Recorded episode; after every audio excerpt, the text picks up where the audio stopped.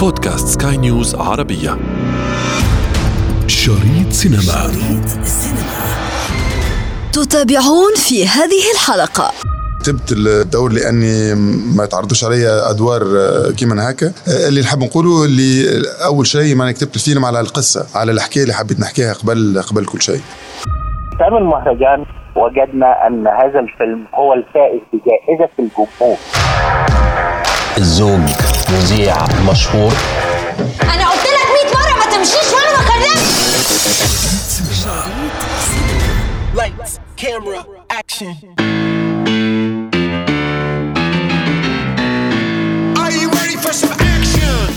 من جديد مستمعينا الكرام سنسرد لكم الآن ما دار في مخرجات مهرجان القاهرة السينمائي الدولي هنالك الكثير من المفاجآت وهنالك الكثير من ردود الفعل خاصة عندما نتحدث عن ردود الفعل الخاصة بالنقاد. ترى كيف كانت تلك الآراء؟ لا تبتعدوا كثيرا. سنجيبكم. إن تابعتم هذه الحلقة. أنا ابتسام العكريمي وهذه حلقة جديدة من بودكاست شريط سينما. طبعا للحديث حول ردود الفعل الخاصة بمخرجات مهرجان القاهرة السينمائي الدولي لا تفوتوا الأمر.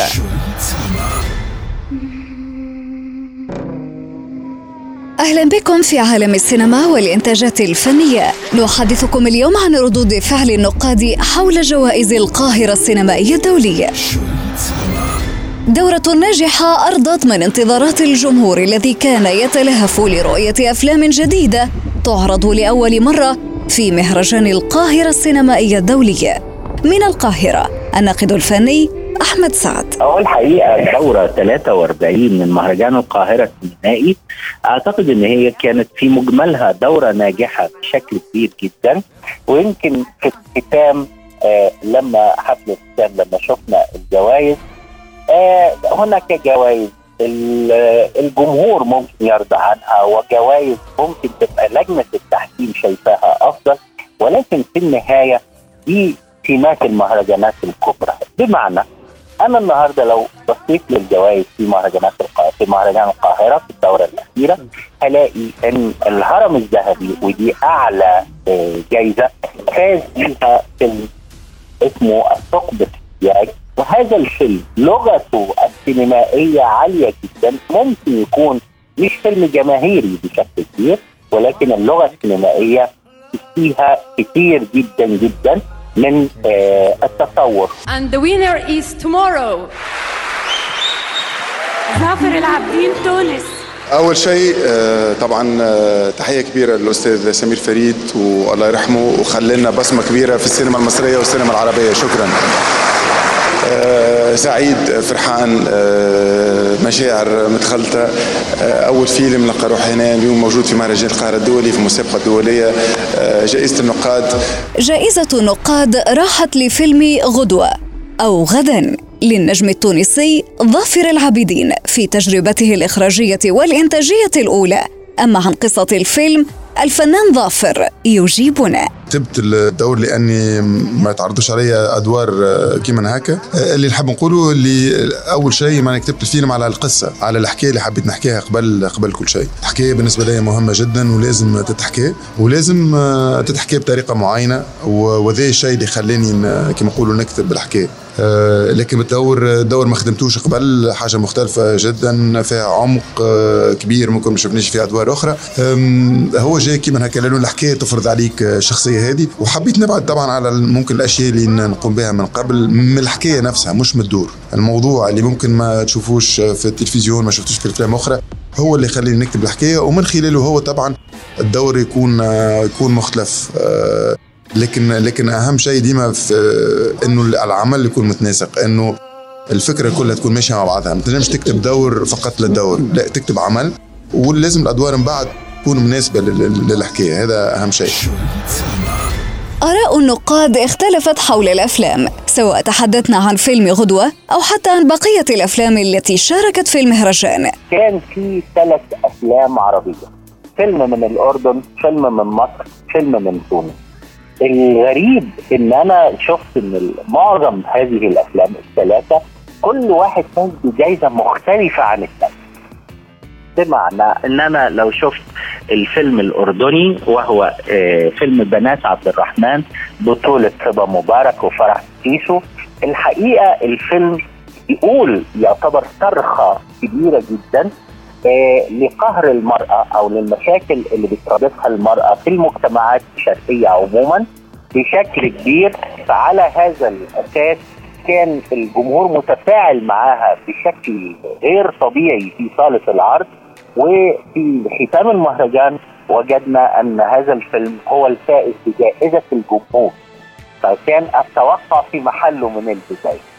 الفيلم الثاني هو فيلم آه، مصري اسمه فيلم أبو صدام وده إخراج المخرجة نادين خان وهي بالمناسبة هي بنت المخرج الكبير الراحل محمد خان وده ثاني أفلامها الروائية الطويلة. هذا الفيلم تحديدا من يعني بيسموه كده رود فيلم أفلام الطريق.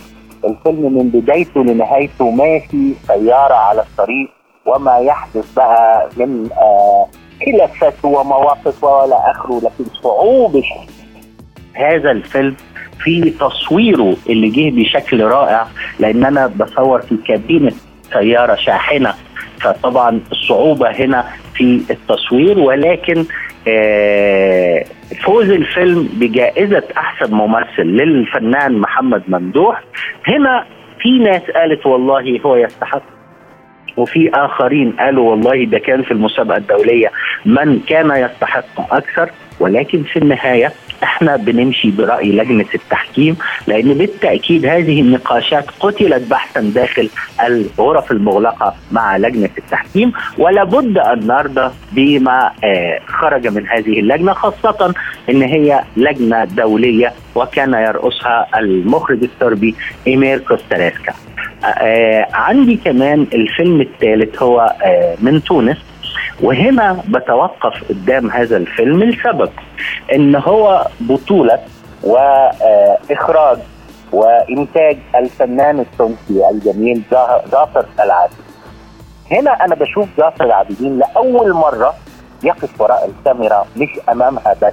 يعني إحنا متعودين إن هو آه، ممثل لكن كون ان هو يتحول إلى مخرج فالجميع كان مستني يشوف هو هيعمل فهو اختار آه، قصة ممكن تكون جيدة آه، بتتكلم على آه، حق بعض المواطنين اللي كانوا مظلومين قبل ثورة الياسمين وإزاي أثروا آه، أثرت هذا الموضوع على عقلية أحد المحامين وتعب لأنه عايز يرجع لهم حقهم وحتى الآن ممكن يكون رجع أو ما رجعش. يعني هو بيناقش النقطة دي. آه، هذا الفيلم كشف لنا نقطتين مهمين. أول تجربة لظافر العابدين كمخرج هو آه، أخرج فيلم يعتبر جيد. ما أقدرش أقول إن هو ممتاز لأن دي التجربة الأولى. حتى التجربة الأولى بتغفر دايما أي آه، سلبيات موجودة في التجربة. لكن هذا الفيلم وضع ظافر العابدين في منطقة أخرى تمثيليا. ليه؟ لأن كل الناس والجمهور بيشوف ظافر العابدين كبطل جان شكله جميل آه، يصلح للأدوار الرومانسية وهكذا. لكن في الفيلم ده تحديدا ظافر العابدين أصبح ممثل في منطقة أخرى. يعني يقدر يقوم بدور الشر يقدر يقوم بدور الميلودراما يقدر يقوم بال- بالدراما بحاجات كثيرة جدا. فالنظرة لهذا النجم تختلف بعد هذا الفيلم. وبالفعل هو آه، في آه، حفل الختام فاز بجائزة الفابريتي وهي آه، جائزة النقاد أو جائزة النقاد الدوليين وكان يستحقها الحقيقة. في بعض الأفلام في المسابقات الأخرى فازت ولكن الأهم ان مجمل الدورة ال 43 يعتبر ناجح جدا على مستوى الأفلام وعلى مستوى التنظيم. آه كان فيها حاجات كتير أخرى زي ال master class زي آه التكريمات آه كانت موجودة على مدار الدورة. فإحنا بنقول دايما الدورة اللي خلصت الحمد لله إن هي نجحت. بنفكر دايما في الخطوة القادمة. شريط سينما وبعيدا عن هذا ما كان يشاع بعد الاختتام غياب نجوم الصف الأول في مصر كالفنان أحمد عز وأحمد السقا وغيرهم. في المقابل كان هناك إشادة بحضور فناني الجيل الذهبي كالنجمة يسرى وليلى علوي وإلهام شاهين. وتمر شهور وسنين على يومها ومش ناسين. أنا شفتك إمتى حب العمر وشفتك فين؟ وبنيجي سوا نحكي حكايتنا هنا للبحر عن قصة حب أقوى من السحر. آه لو أنا بتكلم على آه طبعا نجوم ال- العالم هنا هنا نتوقف لأن في مشاكل كثيره جدا بتحصل منها الكورونا منها بعض النجوم كانوا بيطلبوا مقابل مادي كبير فطبعا المهرجان مش هيقدر يتحمل ده. فده طبيعي. لكن أنا لما بتكلم على نجوم مصر أو النجوم العربيين في هذا المهرجان لا في نجوم كنا متوقعين إن هم يحضروا. زي الفنان أحمد السقا زي الفنان أمير كرارة زي أحمد عز زي أحمد مكي. مش كل دول نجوم الصف الأول اللي المفروض يكونوا موجودين في هذا العرس السينمائي. للأسف ما شفناهمش. ومحدش يقول إن هو ما وصلتوش دعوة أو هو مشغول أو الكلام من ده. أعتقد إن جيل زي جيل الفنانة ليلى علوي وإلهام شاهين ويسرى مواظبين جدا جدا ودائما على حضور المهرجان في السنوات الطويلة الماضية حتى إن بعض النجوم لما بيبقى عندهم يعني هذا الجيل لما بيبقى عندهم شغل بيفضوا نفسهم لوجودهم في حفل الافتتاح لأن ده مهرجان دولة مش مهرجان خاص. فتحية لهذا الجيل ولكن الجيل ال- الآخر الجيل الأصغر شوية وأكثر نجومية في الوقت الحالي تقريبا ما ما, ما شفتوش السنة دي على الريد كارد والله حكاية إن حد مشغول دي مسألة نسبية بس حتى لو مشغول المهرجان معروف ميعاده من قبل ذلك بشهور. فالمفروض إن كله يوقف آه، حتى لو مشغول يوقف تصويره لمدة يوم واحد بحيث إن هو يجي ويشارك في هذا العرس لأن إحنا بنتكلم على هذا المهرجان مهرجان للدولة وليس مهرجان لأشخاص. عشان كده كان الجيل الأكبر متفهم ذلك ومواظب عليه. حتى جيل المرحوم محمود ياسين كان دايما موجود الفنان آه، محمود عبد العزيز كانوا دايما موجودين في الدورات اللي هم آه، آه، على قيد الحياة فيها.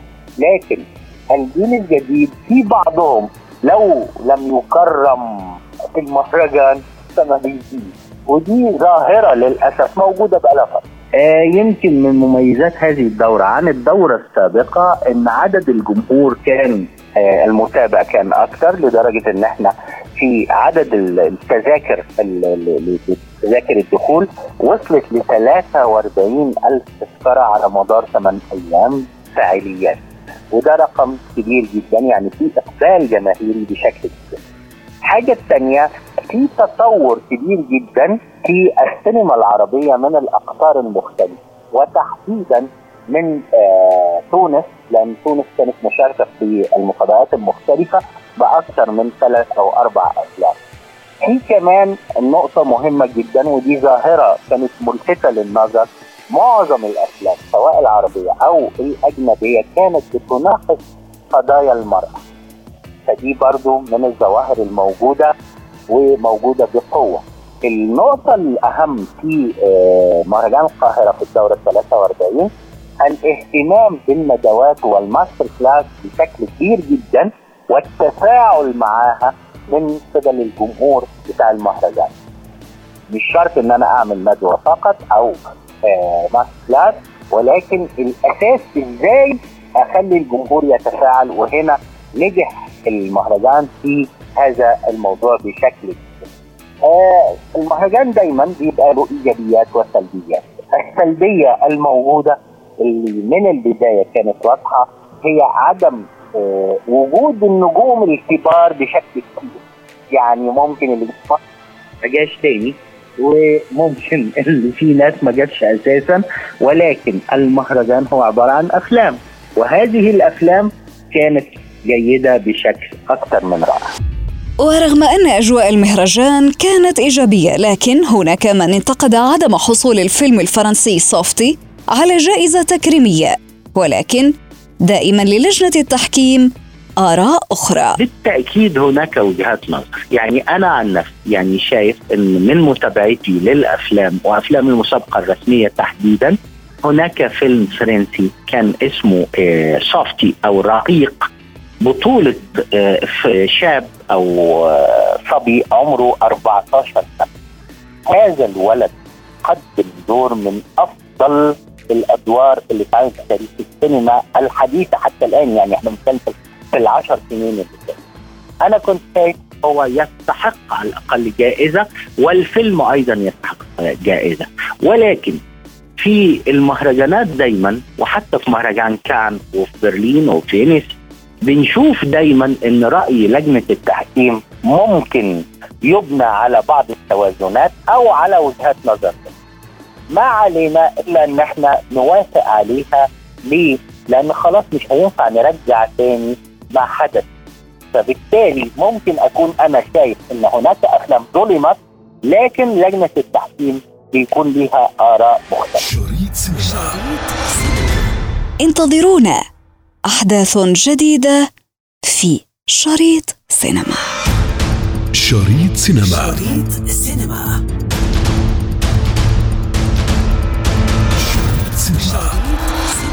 في ختام حلقتنا من شريط سينما ضمن منصة بودكاست سكاي نيوز عربية. نذكركم بمتابعتنا والاستماع لنا عبر تحميل منصاتنا المختلفة من البودكاست التي تجدونها على Apple Store و Google Play كنت معكم في التقديم أنا ابتسام العكريمي ومن إخراج نويل بولوس.